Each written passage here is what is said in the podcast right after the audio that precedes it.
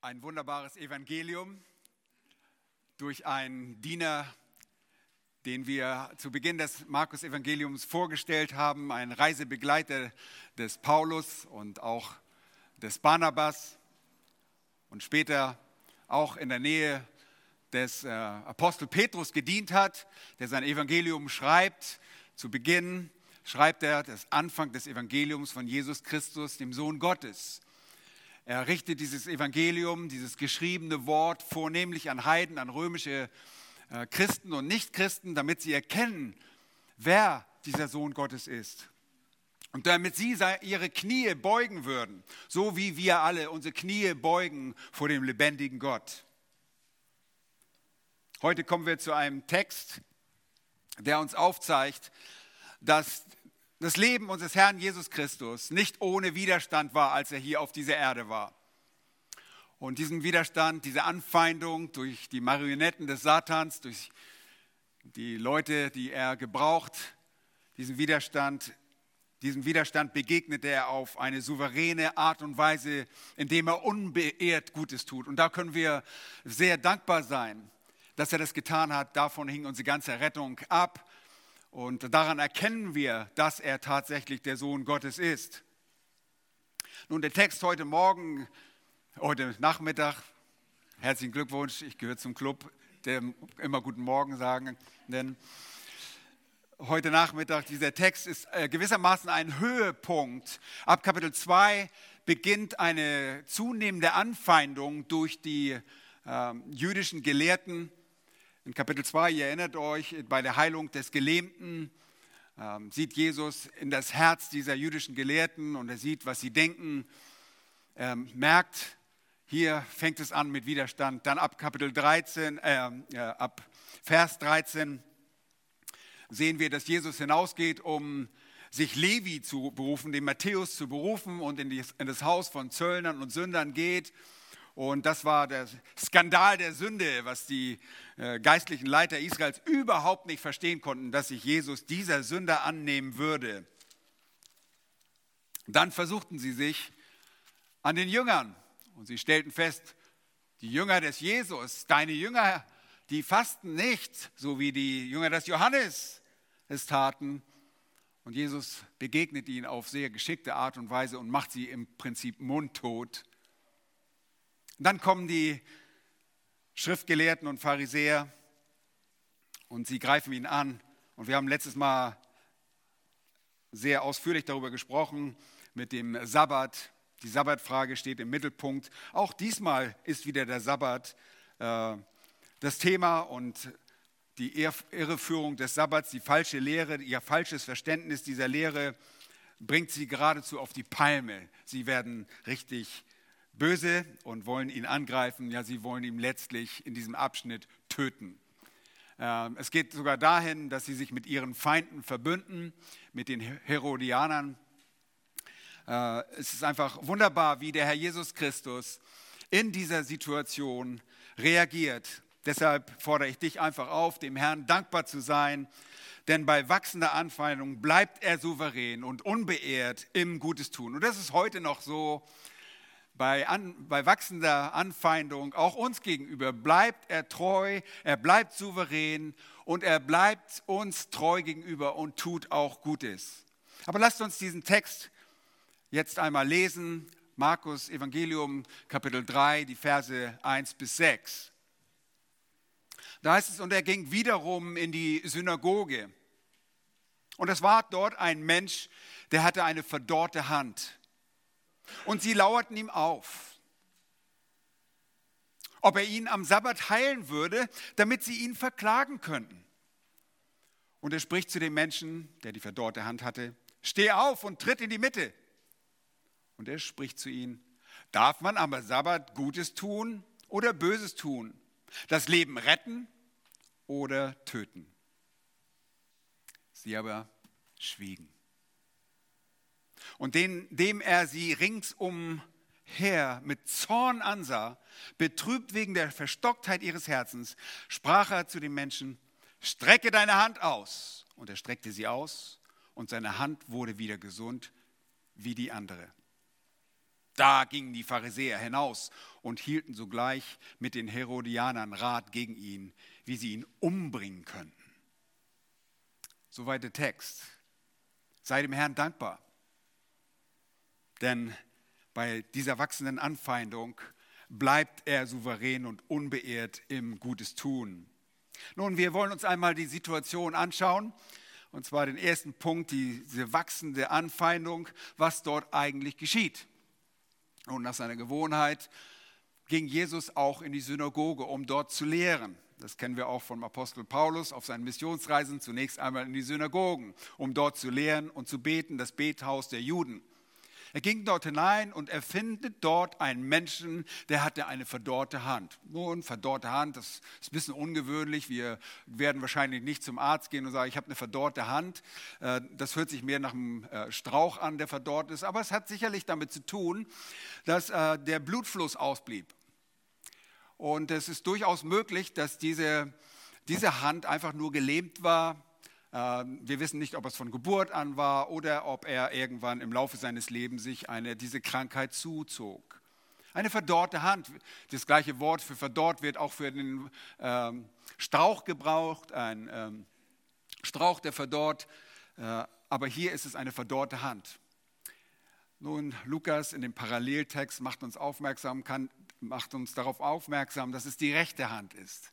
Ein Arzt sieht sowas der weiß gleich so was. Ah, das war die rechte Hand. Nun, was ist das für eine Relevanz? Vielleicht nur um der Statistik willen, 10 Prozent aller Europäer, zwischen 10 und 15 Prozent sind Linkshänder. Es ist also sehr wahrscheinlich, dass hier ein Rechtshänder ist. Und der rechte Hand zu verlieren, ist nicht so ganz einfach. Ich bin mit so einem Typ aufgewachsen, der eine verdorrte Hand hatte. Das war mein Vater. Er wurde im Krieg angeschossen und seine Hand war nicht zu gebrauchen. Und es war manchmal recht schmerzhaft mit anzusehen. Wir haben uns als Kinder daran gewohnt. Mein Vater hat auch selber Späße mit, da, damit gemacht mit seiner Hand. Sie war einfach steif, sie war zerfetzt. Man wollte ihm den Arm abnehmen, aber durch den Krieg, durch die Bedingungen des Krieges kamen auch neue Ärzte wieder und der Arzt hat gesagt, wir flicken das Ding nochmal zusammen, aber seine Hand war steif. Und ich erinnere mich, mein Vater ist schon beim Herrn, ich erinnere mich daran, wie er sagte, oh, wie soll ich mit einer Hand denn tapezieren? Ja, eine Hand fehlen, ist, das ist ein erbärmlicher Zustand, besonders in dieser Kultur. Mein Vater konnte im Büro arbeiten. Und ich erinnere mich, dass er immer noch sagte, nach vielen, vielen Jahren, ich schreibe mit links, aber ich denke immer noch rechts.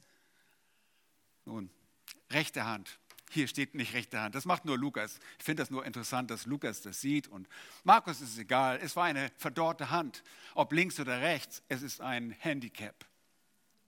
Und Jesus sieht sowas sofort. Und wir sehen jetzt hier die wachsende Anfeindung. Als erstes, die Anfeindung wird durch das Auflauern des Herrn ersichtlich. Schaut mal in Vers 2. Und sie lauerten ihm auf. Wer sind die sie? Das sind die Pharisäer und die Schriftgelehrten. Sie lauern ihn auf. Das bedeutet, sie gucken ganz genau hin. Erinnert euch noch? Sie gucken nicht nur ihn selbst an, sondern sie haben auch seine Jünger beobachtet. Und genau das bedeutet dieses Wort, dieses Auflauern wird an anderer Stelle auch mit über beobachten übersetzt.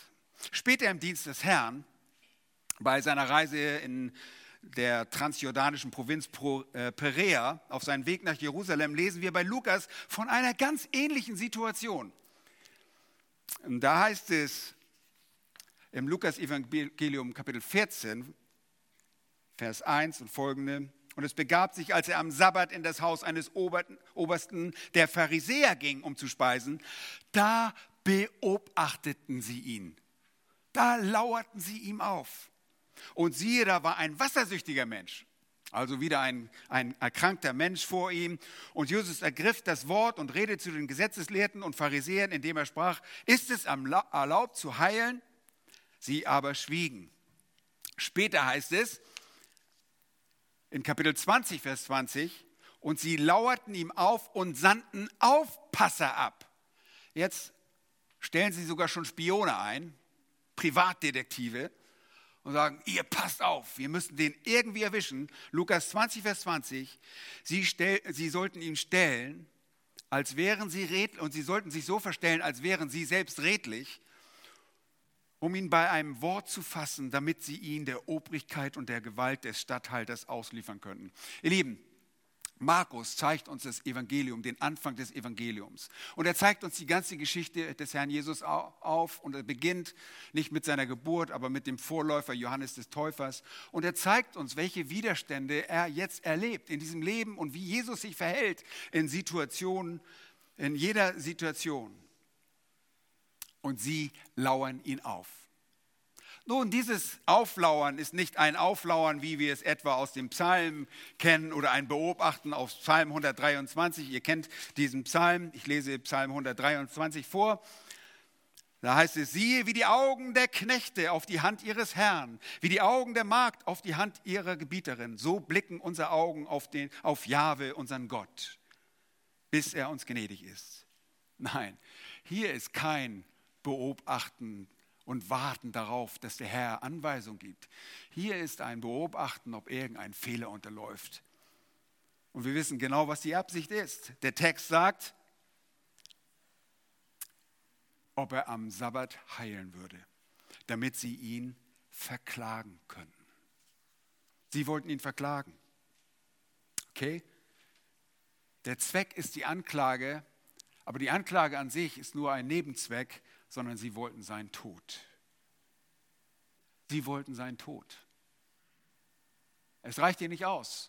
Satan und seine Lakaien, seine ganzen äh, Diener, sei es menschlicher Art oder auch dämonischer Art und Engelwesen, waren in Panik. Wir sehen das später in einem nachfolgenden Text. Die Dämonen können sich nicht mehr kontrollieren. Sie schreien heraus, du Sohn Gottes. Sie erkennen ihn sofort. Sie sind absolut in Panik geraten, weil auf einmal der Sohn Gottes kommt. Und so setzt Satan alle seine Diener in Bewegung. Und sie lauern ihn auf, ob er am Sabbat heilen würde. Nun, die Anfeindung wird durch die falsche Lehre, das ist der zweite Punkt unter 1b, die Anfeindung wird durch die falsche Lehre der Pharisäer eingeheizt. Ich habe euch beim letzten Mal darüber informiert, was es mit der Lehre der Pharisäer und Juden auf sich hat, dass die Juden das Prinzip der Allgenugsamkeit der Schrift verlassen haben, dass sie Traditionen eingeführt haben, zur Tora hinzugefügt haben, ihre eigenen Überlieferungen von Schriftgelehrten zu Schriftgelehrten wurde das mehr und mehr fortgesetzt. Die Tora war ihnen viel zu allgemein. Wenn da ein Sabbatgebot steht, viel zu, das müssen wir erstmal spezifizieren. Wir müssen das genau machen. Und so entstand nach und nach eine ergänzende Lehre zur Tora, zum Wort Gottes. Und das war die Tradition der Alten, die immer weitergereicht wurde. Das ist die sogenannte Weisung. Gemäß der Schrift ist, ist das eine Hinzufügung zum Wort Gottes und ist eine Ehrlehre. Und alles, was wir zum Wort Gottes hinzufügen, ist nicht recht. Und das taten die Juden. Und das tun sie bis heute noch. Und das ist das große Problem. Die entstandene Halacha, die Weisung von dem Verb gehen, wie man wandeln soll, das ist die, die Lehre, wie man wandeln soll, die steht im Wort und nicht in der Weisung der Juden. Und so entwickelte sich bei den Juden die Auffassung, dass man am Sabbat keine ärztliche Versorgung leisten durfte. Es sei denn, dass man lebensbedrohlich in einer lebensbedrohlichen Situation war. Dann durfte man einschreiten. Nun ist eine verdorrte Hand von heute auf morgen eine lebensbedrohliche Situation. Nein. Jetzt hätte er sagen können, ja, lieber Junge, lieber Mann, warte bis Sonntag. Ja, heute haben wir Sabbat. Das geht nicht. Nun, die falsche Lehre ist ein Pulverfass für die Juden. Und sie sagten, jetzt, das wird die Gelegenheit sein, ihn zu überführen. Aber Jesus, der dafür bekannt war, für uns zumindest bekannt ist, Gutes zu tun, tut auch hier Gutes. Und es ist interessant, wie er dem begegnet. Nun, die Anfeindung drittens sollte zum Tod führen, sollte im Tod enden. Sie, sollte, sie sollten letztlich dazu führen, ihn umzubringen. Schaut einmal in den letzten Vers, Vers 6 des Textes. Da gingen die Pharisäer hinaus, nachdem er sie mundtot gemacht hat. Und sie hielten sogleich mit den Herodianern Rat gegen ihn, wie sie ihn umbringen könnten. Schon jetzt entstehen die Pläne, wie sie ihn umbringen können. Die Anfeindung sollte im Tod Jesu enden. Aber Jesus begegnet dieser Anfeindung mit absoluter Souveränität, mit absoluter Erhabenheit und Unbeirrtheit. Nun, wir wissen, dass Gott gut ist. Wir lesen oft von der Güte Gottes. Vielleicht bringen wir das oft nicht so in unserem Denken zusammen. Gottes Güte bedeutet, und ich erinnere an unsere Theologiestunden, wo wir das mal definiert haben, dass Gott Summe und Quelle und Maßstab für Gutes ist und alles, was Gott ist und tut, der Zustimmung würdig ist. In diesem Fall ist er was? Ist er die Quelle von Guten. Er tut das Gute.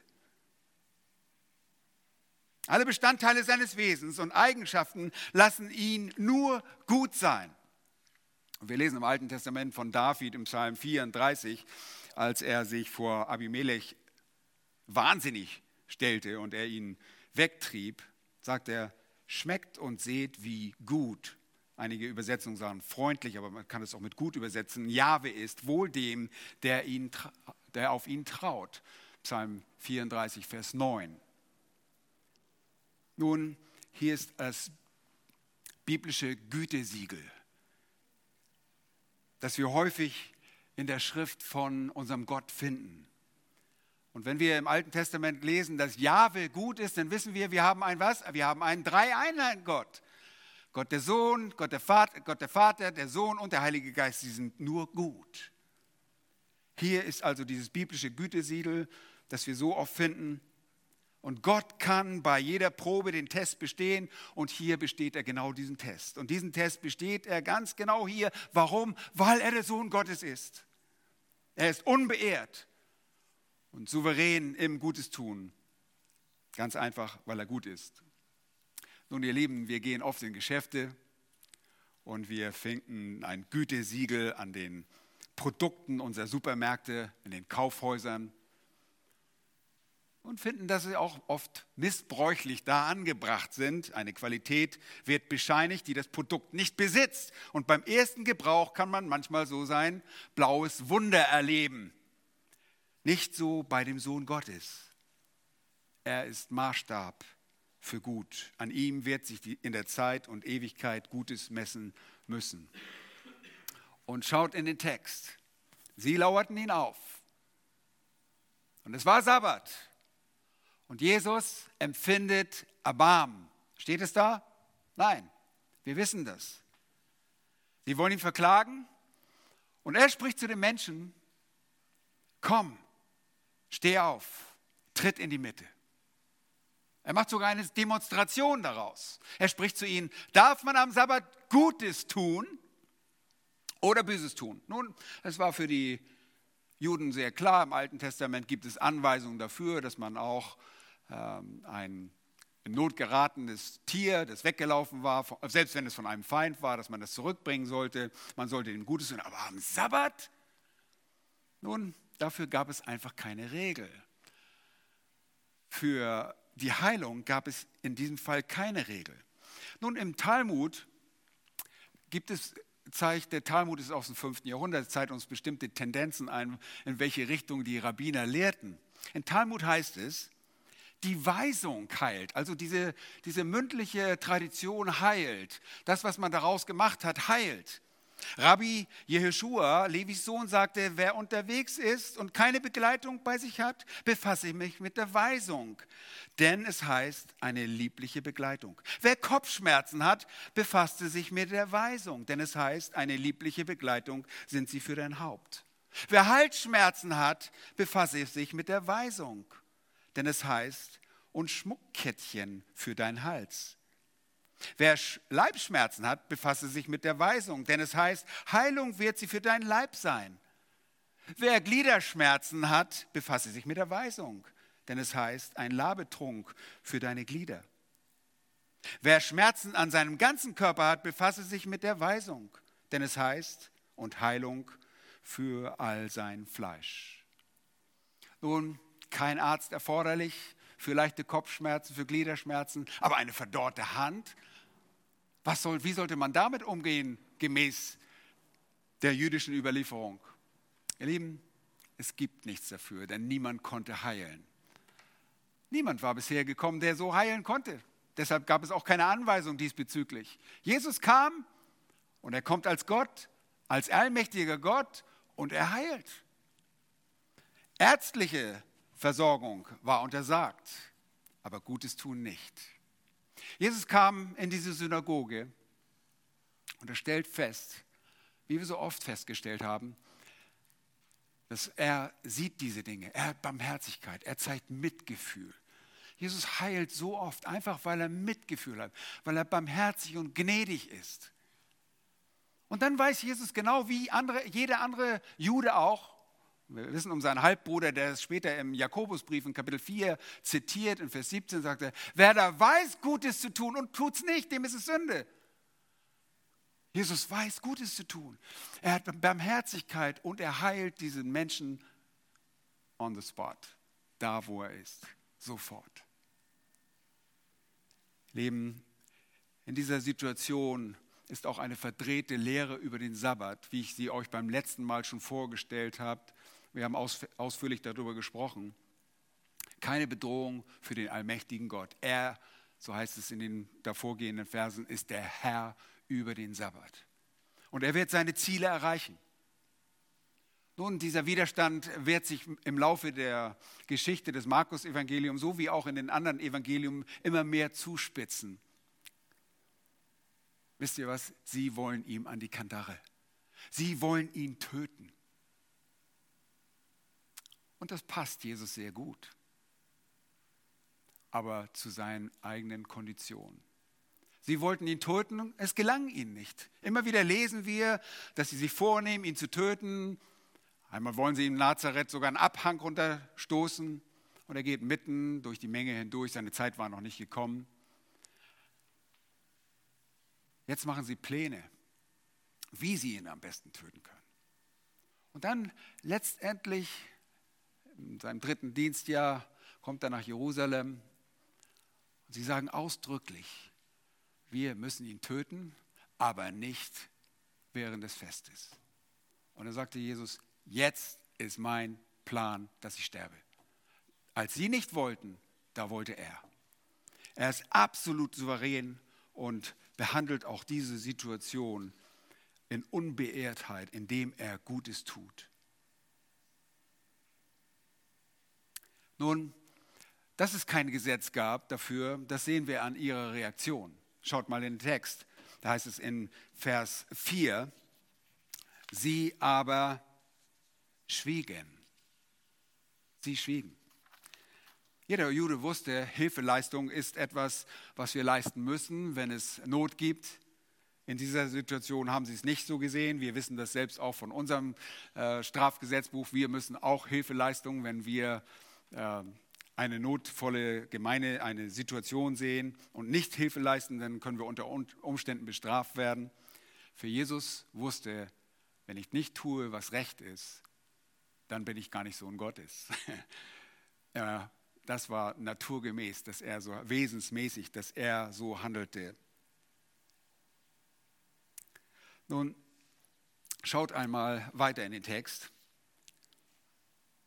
Die Unbeehrtheit und Souveränität des Herrn zeigt sich in seinem Gutes tun. Nun, diese Güte, Güte, dieses Gütesiegel bezeigt, dass er, bezeugt, dass er gut ist. Wie äußert sich dieses Gute? Er belehrt sie gleichzeitig. Und diese Belehrung ist durch ein Handeln, äh, erstmal durch eine Frage. Er stellt diese Frage und sie können ihm nicht antworten und dann handelt er. Er fürchtet sich nicht. Er sagt nicht, oh meine Güte, jetzt könnte ich echt Ärger kriegen, wenn ich das mache. Nein, er weiß es. Er handelt und belehrt sie dadurch. Die Unbeehrtheit zeigt sich darin, dass er handelt in Güte. Der Herr belehrt und lebt Wahrheit. In Johannes 8 sagt er auch, er spricht zu den Juden, an ihn glaubten, wenn ihr in meinem Wort bleibt, dann seid ihr wahrhaftig meine Jünger und ihr werdet die Wahrheit erkennen, denn die Wahrheit wird euch frei machen. Und er handelt in Wahrheit. Er zeigt ihnen, was rechte Reaktion ist in dieser Situation. Nun, er schaut sie an. Der Herr zügelt seinen aus Betrübnis erwachsenen Zorn und heilt in seiner Barmherzigkeit den Bedürftigen. Jakobus 4, Vers 17 habe ich euch gesagt. Er wusste, wenn er Gutes tun konnte, muss er es tun. Aber schaut einmal in Vers 5. Und indem er sie ringsumher mit Zorn ansah. Jesus wurde zornig. Das war ein verhaltener Zorn. Aber wisst ihr, wir Menschen sind von Natur aus, das haben wir vorhin schon gehört im Vorprogramm, wir sind Kinder des Zorns. Wir sind das Objekt seines Zorns. Ja, wir werden auch zornig, wir sind auch das Subjekt des Zornes, aber wir sind das Objekt seines Zornes. Wir eins waren alle Kinder des Zorns. Aber das Evangelium ist so, dass Jesus Christus den Zorn auf sich genommen hat, weil er das unschuldige Lamm Gottes war, das auf, auf Golgatha sterben sollte, stellvertretend für uns. Der Zorn, der uns hätte treffen sollen, trifft ihn.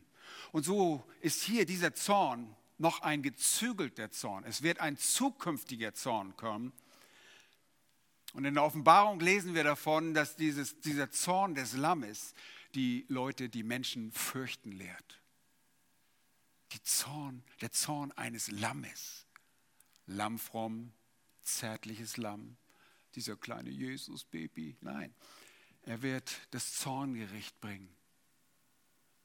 Und über die Ungerechten wird der Zorn bleiben eine Ewigkeit lang. Und das ist der gerechtig Zorn. Der gerechtig, seine Gerechtigkeit wird in der Hölle unter Beweis gestellt. Er sieht sie hier an mit Zorn. Warum? Weil sie verstockt waren. Verstockt in der Verstocktheit ihres Herzens. Kardioporosis. Man kann ja auch Sklerosis sagen können, aber Porosis kennen wir von ähm, Osteoporosis, das ist die Knochen, äh, die Verdünnung der Knochen oder die, die, die Dichte, Knochendichte nimmt ab. Besonders Frauen nach den Wechseljahren ganz besonders davon betroffen.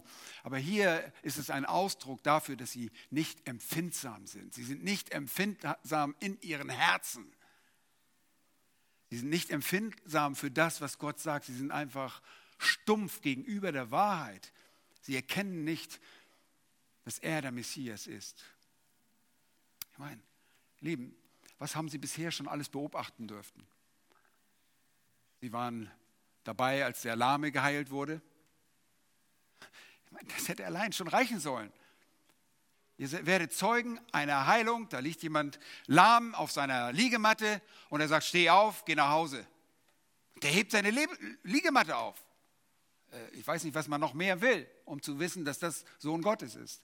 Aber sie waren verstockt in ihrem Herzen.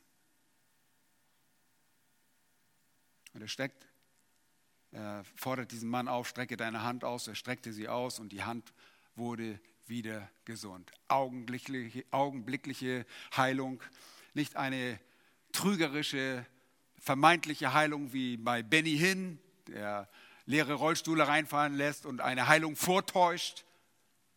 Leben eine echte Heilung, die von Gott ausgeht. Und er zeigt dadurch, ich bin der Sohn Gottes.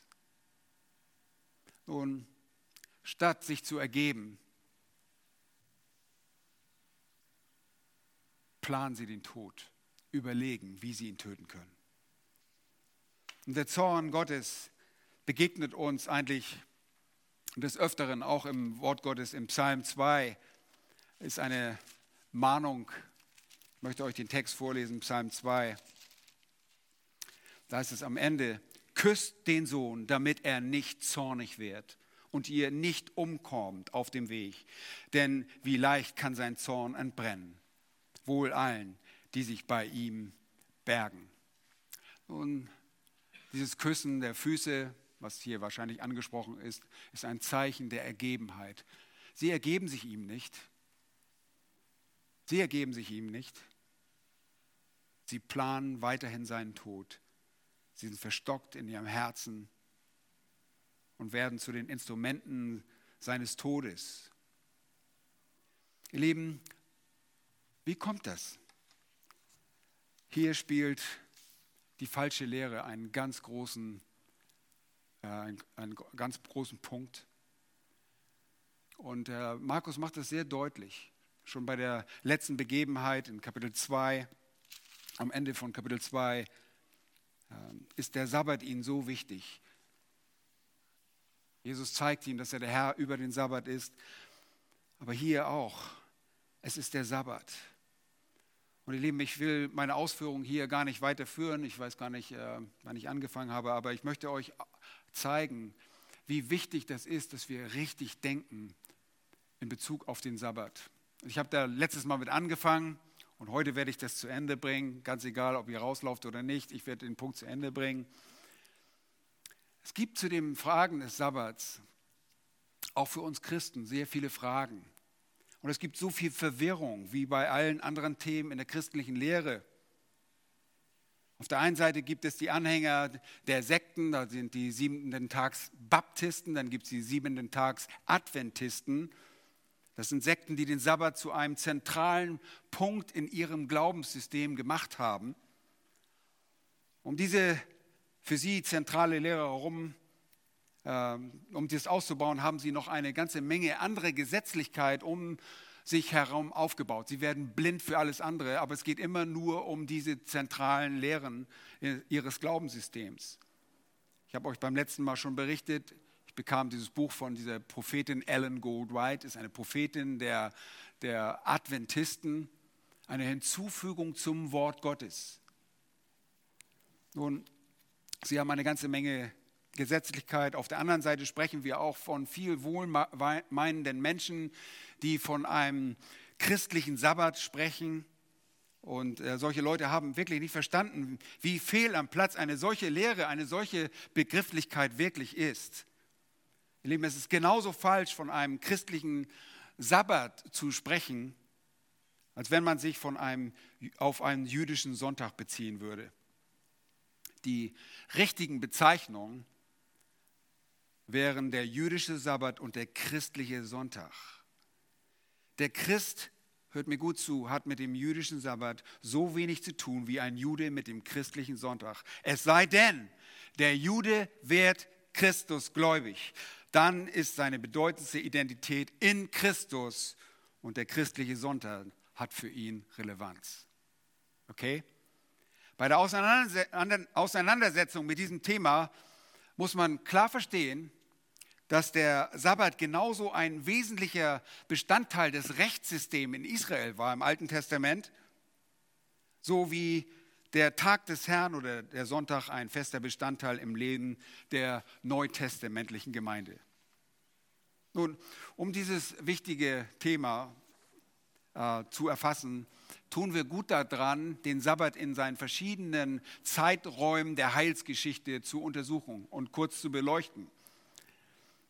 Dem Zeitraum äh, der Schöpfung, den Zeitraum zwischen Adam und Mose, dem Zeitraum zwischen Mose und Christus, dem irdischen Wirken Christi, der Zeit der Gemeinde, dem Zeitraum des tausendjährigen Reiches sowie dem Abschnitt der Ewigkeit. Ich spreche da nicht von Zeit. Ewigkeit ist keine Zeit. Nun, wir handeln behandeln das heute Nachmittag sehr schnell, keine Angst. Aber es gibt viele Ausleger, die bereits in 1. Mose Kapitel 2, 1, die Verse 1 bis 3, einen Hinweis auf die Einrichtung des Sabbatgebotes sehen wollen. Das ist ein Irrtum. Das sorgfältige Hinschauen zeigt uns, dass es keinen einzigen Hinweis darauf gibt, dass Gott den Sabbat gleich nach der Schöpfung den Menschen zur Einhaltung gegeben hat. Er allein ruhte. Der Ruhetag der ursprünglichen Schöpfung, also dieser geheiligte Ruhetag, konnte nicht dem Menschen gegeben worden sein, weil der Mensch noch nicht einmal gearbeitet hatte. Dieser Tag sollte auch nicht wegweisend sein, weil nicht ein Wort in 1. Mose 2, die Verse 1 bis 3, zu finden ist, das darauf hindeutet, dass Gott den Sabbat zum Einhalten geboten hatte. Nicht ein Wort. Der Fokus liegt Und Daniel hat uns das auch sehr deutlich gezeigt. Es liegt nicht auf dem Menschen. Gott wird in diesem Abschnitt zehnmal erwähnt, der Mensch nicht ein einziges Mal. Eine weitere Tatsache, die der Ansicht widerspricht, dass das Sabbatgebot für den Menschen bereits im Garten Eden begann, ist, dass der Sabbat jahrhundertelang nicht ein einziges Mal erwähnt wird. Und als er dann zum ersten Mal erwähnt wird, dann in einem völlig anderen Zusammenhang.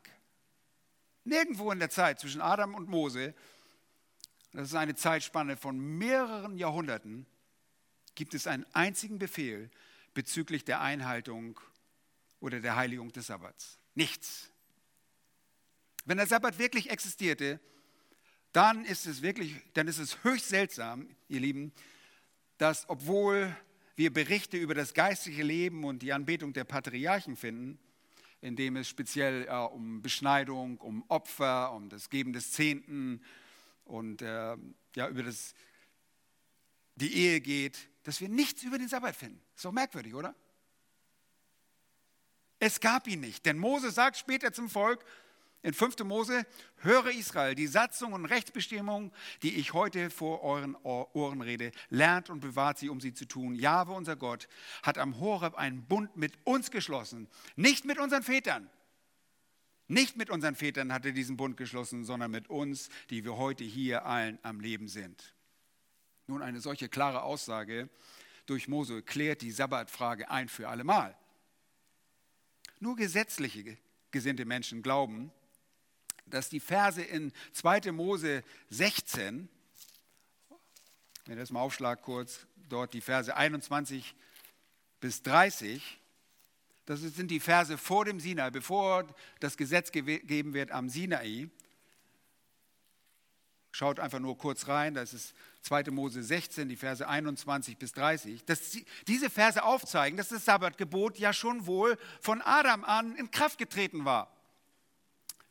Weil hier wird auf einmal der Sabbat erwähnt. Aber beachtet einmal sorgfältig den Zusammenhang. Denn obwohl das Ereignis in dieser Passage eine, ein vorangegebenes, gegangenes Gebot und Anweisung bezüglich eines Sabbats voraussetzt, so hatte die Missachtung der Sabbatheilung für die Israeliten, und hier ist schon Israel im, im Blickpunkt, sie hatte in dieser, an dieser Stelle für die Israeliten keine äh, Folge, Straffolgen. So wie wir das später in 4. Mose 15 sehen, die Verse 23 bis 26. Warum ist es hier anders? Nun, wenn wir genau hinsehen, dann schaut mal zurück auf Kapitel 15, Vers 25. Da wird dem Volk bei Mara vorläufig Gesetz und Recht gegeben. Okay? Das ist so präliminär ein Gesetz gegeben. Der Sabbat war für sie in diesem Kapitel vielmehr eine erste Weisung bis zum Erreichen des Berges Sinai im dritten Monat. Sie brauchten schon Regeln für diese Reise. Okay? Sodass die Missachtung auch zu diesem Zeitpunkt keine Todesstrafe nach sich zog. In Vers 24 wird klargestellt, dass es sich bei dem Sabbat um die gnädige Vorsorge Gottes handelte und dass die Israeliten an jenem Tag die für sie bestimmte Ruhe abgelehnt hatte. Nun, der Sabbat, der in die zehn Gebote dann eingebunden ist, wurde erstmalig und verbindlich mit allen Konsequenzen bei der Nichteinhaltung am Berg Sinai unter Mose eingesetzt. Okay? Das war die erste Einsetzung. Und dabei wird aber auch gleich deutlich, dass die zehn Gebote nicht der ganzen Menschheit gegeben wurde und deshalb auch nicht uns Heiden gegeben wurde. Die zehn Gebote galten allein Israel. Und das beweist allein schon die aufgezeichnete Geschichte. Ein Beweis für die Tatsache, dass Gott, äh, dass das Gebot nur für Israel galt, finden wir in der Anrede und Überschrift der zehn Gebote. Schaut mal, 2. Mose 20,2 heißt es: Ich bin Jahwe dein Gott, der dich aus dem Land Ägypten, aus dem Haus der Sklaverei herausgeführt habe. Wer war das? Das Volk Israel. Das waren nicht die Heiden. Und dass die Heiden nicht gemeint sein konnten, das lässt uns auch Epheser Kapitel 2, die Verse 11 und 12 sowie 5. Mose 4, 12 und 13 deutlich erkennen. Nun, Paulus sagt, wenn die Heiden fremd den Bündnissen gegenüber waren und die zehn Gebote, die zumindest einen Teil des Bundes mit Israel ausmachten, wie sollte dann der Sabbat den Heiden gelten? Tut er nicht. Hat keine Bedeutung. Wie sollte er für uns, für die Heiden maßgeblich sein? Nun, es war in erster Linie ein geistlicher Zweck, mehr als ein physiologischer oder sozialer Zweck. Sowohl Mose als auch Hesekiel drücken sehr klar aus, dass der Sabbat ein Zeichen war, ein Zeichen für Israel, zwischen Gott und Israel. Ich lese diese beiden Texte mal vor, 2. Mose 31, Vers 13.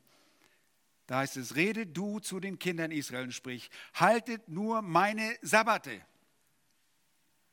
Denn das ist ein Zeichen zwischen mir und euch für alle künftigen Geschlechter, damit ihr erkennt, dass ich Jahwe bin, der euch heiligt.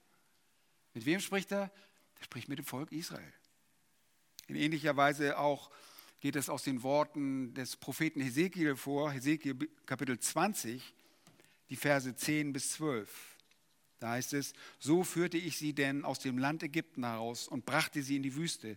Und ich gab ihnen meine Satzung und verkündigte ihnen meine Rechtsbestimmung, durch die der Mensch lebt, wenn er sie tut. Und ich gab ihnen auch meine Sabbate. Und er sagte, die ein Zeichen sein sollten zwischen mir und ihnen, damit sie erkennen sollten, dass ich Jahwe es bin, der sie heiligt.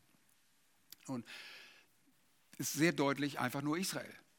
Viele Leute haben in ihrem Bestreben, den Sabbat zu halten, vergessen, dass das Sabbatgebot kein isolierter, separater Faktor in einem religiösen Kodex war, in irgendeinem religiösen Gesetz war.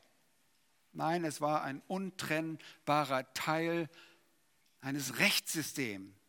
Und dieses Rechtssystem gehörte zu Israel. Der Verstoß gegen dieses Gesetz bedeutete die Todesstrafe für den Israeliten. Und das sehen wir in 4. Mose 15. Dort lesen wir über den Vorfall eines Mannes, der am Sabbat Holz sammelte. Er wurde zu Tode gesteinigt. Unglaublich. Aber das war die Bestimmung. Man bedenke nur, dies wäre auch die Strafe gewesen, wenn man ein Feuer am Sabbat angezündet hätte. Könnt ihr nachlesen, 2. Mose 35, Vers 3. Nun, meine Frage ist, einfach zur Klärung, wie können Sabbatbefürworter sich dieser Angelegenheit entziehen und vor dem Gesetz ihre Unschuld erklären. Und solche Leute unterscheiden sehr häufig zwischen dem, was Sittengesetz, äh, was man als Sittengesetz bezeichnet oder Moralgesetz bezeichnet, und dem, was Zeremonialgesetz gemeint ist oder nennen es Zeremonialgesetz. Ihr Lieben, es gibt keinen Unterschied. Es gibt nur ein Gesetz. Und dieses Gesetz hat moralische Aspekte und Prinzipien und hat, dieses eine Gesetz hat auch zeremonielle und rituelle Aspekte. Aber es ist immer nur ein Gesetz. Ich glaube, das sollte reichen, dass ihr erkennt, es ist für Israel. Nun, einen weiteren Zeitraum, und wir haben heute Nachmittag das schon angesehen, im Leben Jesu jetzt, der Abschnitt des irdischen Lebens und des Dienstes unseres Herrn. Viele ziehen diesen Zeitraum für einen Beweis heran, um zu zeigen, dass der Sabbat noch heute in Kraft ist. Allerdings erkennen solche Leute den wahren Charakter des Dienstes unseres Herrn nicht. Paulus sagt uns sehr, sehr deutlich in Römer 15, Vers 8, ich sage aber, dass Jesus Christus ein Diener der Beschneidung geworden ist, um der Wahrhaftigkeit Gottes willen, um die Verheißung an die Väter zu bestätigen. Ihr Lieben, wir müssen erkennen, dass unsere Lebensregeln unter der Gnade nicht darin zu finden sind, dass Christus das Gesetz befolgt und wir ihm danach, darin nacheifern. Das ist nicht unsere Lebensregel. In Matthäus 5, in der Bergpredigt, Verse 17 bis 18, zeigt uns Jesus auf, was er tat, als er kam und nicht, was er uns tun lassen wollte. Versteht ihr das? Ich lese mal vor. Was steht dort? Da sagt er, ihr sollt nicht meinen, dass ich gekommen sei, um das Gesetz oder die Propheten aufzulösen. Ich bin nicht gekommen, um aufzulösen, sondern um zu erfüllen. Ich bin nicht gekommen, um aufzulösen, sondern zu erfüllen. Und dann sagt er, denn wahrlich, ich sage euch, bis Himmel und Erde vergehen, wird nicht ein Buchstabe noch ein einziges Strichlein vom Gesetz vergehen, bis alles geschehen ist. Ihr Lieben, Jesus kam, um das Gesetz zu erfüllen, weil der sündige Mensch, wer ist das? Du und ich, wir können das nicht. Wir schaffen das gar nicht. Wenn Gerechtigkeit durch deine oder meine Einhaltung des Gesetzes zustande kommen könnte, ihr Lieben, dann starb Christus umsonst. Dann starb er vergeblich, sagt Paulus sehr deutlich im Galaterbrief Kapitel 2, Vers 21. Da heißt es, ich verwerfe die Gnade Gottes nicht. Denn wenn durch das Gesetz Gerechtigkeit kommt, so ist Christus vergeblich gestorben. Wir sehen also, dass wir aus diesem Zeitraum des irdischen Lebens des Herrn nichts für die Sabbatbefolgung für Christen ableiten können. Lieben, das ist so wichtig. Es gibt so viel Verwirrung darüber. Und eine Studie des Sabbats über die Zeit vom Tod Christi und dem Kommen des Geistes zu Pfingsten bis zur Entrückung zeigt uns auch unmissverständlich, dass der Sabbat sogar hinweggetan wurde. Absolut weg. Es wird keinem einzigen Gläubigen auferlegt, den Sabbat einzuhalten, weil der Sabbat Teil des Rechtssystems für Israel ist, welches wiederum weder die Grundlage für die Annahme für Gott ist, noch die Lebensregeln der Gläubigen darstellt. Leute, wenn wir das verstanden haben, dann können wir aufatmen. 2. Korinther 3, die Verse 7 bis 13, Kolosser 2, 16 und 17 hätten nicht deutlicher geschrieben werden können. Diese Verse zeigen auf, dass der Gläubige nichts, absolut nichts mit dem Sabbat zu tun hat. Und schon im Alten Testament sprach Hosea davon, von einer Zeit, wenn der Sabbat ein Ende finden sollte. Nun, die gesetzlich gesinnten Leute protestieren aber dennoch lautstark, denn es muss ja irgendein Gesetz geben. Ihr könnt doch wohl nicht erwarten, dass wir, äh, dass heute alles erlaubt ist in diesem Zeitalter, dass wir irgendwie Ehebruch begehen können, dass wir töten können oder stehlen können oder dergleichen. So sagen sie, es muss doch ein Gesetz geben. Oh ja, ihr Lieben, wir erwarten von niemandem, dass so etwas geglaubt wird, dass es kein Gesetz gibt. Jedes moralische Prinzip der zehn Gebote nämlich wird unter der Gnade vom Geist Gottes in der Schrift in der Form einer Ermahnung bekräftigt, mit Ausnahme des Sabbatgebotes. Ist euch das bewusst? Alle Gebote, alle der zehn Gebote werden wiederholt, bis auf das Sabbatgebot. Ich sage es euch nur ganz schnell, ich weiß, ihr, werdet schon schwindelig bei den ganzen Bibelversen. Aber das erste Gebot findet ihr in 1 Timotheus 2, Vers 5 wieder. Das zweite Gebot findet ihr in 1. Korinther 10, Vers 7. Das dritte Gebot in Jakobus 5, Vers 12. Das fünfte Gebot, das vierte lasse ich aus, das fünfte Gebot in Epheser 6, 2, das sechste Gebot in 1. Johannes 3, Vers 15, das siebte Gebot in Hebräer 13, Vers 4, das achte Gebot in Epheser 4, 28, das neunte Gebot in Kolosser 3, 9, das zehnte Gebot in Epheser 5, Vers 3. Nun, euch ist aufgefallen, ich habe es schon gesagt, ich habe das vierte ausgelassen. Warum? Weil es nirgendwo ein eine Wiederholung des Sabbatgebotes im Neuen Testament gibt. Offenbart das nicht eine merkwürdige Logik, dass manche Menschen und manche Gruppierungen meinen, das vierte Gebot am stärksten betonen zu müssen, wenn es von Gott im Neuen Testament vollkommen übergangen wird? Christen zu ermuntern, den Sabbat zu halten, ist eine Praxis, die der Lehre des Neuen Testaments völlig fremd ist. Kurz gesagt, dies zu fordern wäre eine Ermutigung der Gläubigen, aus der Gnade zu fallen. So nennt Paulus das in Galater 5. Da sagt er in Versen 3 und 4, ich bezeuge euch nochmals jeden Menschen, der sich beschneiden lässt, auch eine Einhaltung des Gesetzes, dass er verpflichtet ist, das ganze Gesetz zu tun. Ihr seid losgetrennt von Christus, die ihr durchs Gesetz gerecht werden wollt. Ihr seid aus der Gnade gefallen. Nun, dass der Sabbat kurz vor dem Millennium, insbesondere während der großen Trübsal Matthäus 24 und während des Königreichs wiederhergestellt wird, das ist das Zeugnis der Schriften sowohl im Alten als auch im Neuen Testament. Und Jesaja sagte sogar voraus, dass der Sabbat, das ist Jesaja 66, 23, im Königreich des Messias in Kraft sein würde und von allen Kindern Gottes Beachtung finden würde. Aber weil der Sabbat in der irdischen Regierungszeit des Herrn während seines Millenniums wieder in Kraft treten wird, ist es noch lange kein Grund, an seine Gültigkeit in unserer Zeit zu glauben. Genauso wenig beweist seine Einführung im mosaischen Zeitalter, dass er schon in der Zeit von Abraham wirksam war. Ihr Lieben, wir müssen diese Dinge wirklich konsequent auseinanderhalten, weil es die Schrift auch so tut. Sie ist unser Maßstab. Immer wieder wird dann auch gefragt, aber was müssen wir mit Hebräer 4, Vers 9 tun? Dort heißt es, es bleibt also eine Sabbatruhe für das Volk Gottes. Luther oder Elbefelder. Also bleibt noch eine Sabbatruhe dem Volk Gottes übrig. Hm. Nun, wenn ihr genau hinkommt, interessanterweise, statt dass dieser Abschnitt die Notwendigkeit der Einhaltung des Sabbats innerhalb eines gesetzlichen Systems lehrt, wird in Vers 10 Bezug auf die Art der Sabbatruhe genommen, die dem Gläubigen zusteht. Dort lesen wir, denn wer in seine Ruhe eingegangen ist, der ruht auch selbst von seinen Werken, gleich wie Gott von den Seinen. Das ist Vers 10, Hebräer 4, Vers 10. Dem Gläubigen, der die Wertlosigkeit seiner eigenen Werke zur Annahme bei Gott erkennt und der von diesen Werken dann auch Abstand genommen hat, um so voll in das Werk einzutreten, das Gott in Christus geleistet hat, steht Seelenruhe jetzt und in aller Ewigkeit zu. Das ist der Sinn dieser Textstelle. Unsere Ruhe wird mit der von Gott verglichen, als er mit seiner schöpferischen Arbeit zufrieden am Ende war.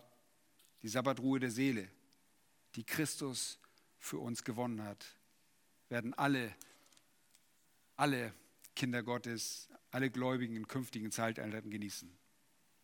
Nun mögen wir uns in der gegenwärtigen Ruhe der Seele freuen und für die Ehre Gottes in Christus arbeiten bis zu dem Tag der ewigen, bis wir zu dem Tag der ewigen Ruhe gelangen. Nun, dieses falsche Verständnis bei den Pharisäern machte sie aggressiv. Sie waren nicht belehrbar, sie waren verstockt. Warum? Weil nicht die Schrift der Maßstab war. Ihr Lieben, ich möchte euch auffordern, lasst die Schrift zum Maßstab all dieser Dinge werden. Wir dürfen unseren Herrn Jesus Christus verfolgen, wie er souverän durch alle Anfeindungen hindurchgeht, wie er souverän handelt und unbeehrt handelt und Gutes tut. Und das wird er uns gegenüber auch tun. Hier ist ein Vorbild, wie er das während seines Erdenlebens getan hat. Wisst ihr was? Auch jetzt, wenn uns Menschen sich mit uns anfeinden, wir können unbeehrt weitergehen. Lasst uns unbeehrt weiterhin Gutes tun. Egal, ob jemand gegen uns ist, ist Christus für uns, wer mag wider uns sein? Christus wird dir gegenüber nur Gutes tun. Warum? Er trägt das göttliche Gütesiegel. Er ist nur gut. Er will nur Gutes für dich. Der Zorn. Wir waren eins, Kinder des Zorns. Epheser 2, 3. Wir sind nicht mehr Kinder des Zorns. Wir sind nicht mehr unter den Zorn, weil wer den Zorn getragen hat? Jesus selbst. Jesus geht ans Kreuz und er trifft der Zorn des Vaters trifft seinen eigenen Sohn. Und durch den Glauben an diesen Kreuzestod werden wir behandelt, als hätten wir Jesu Leben geführt.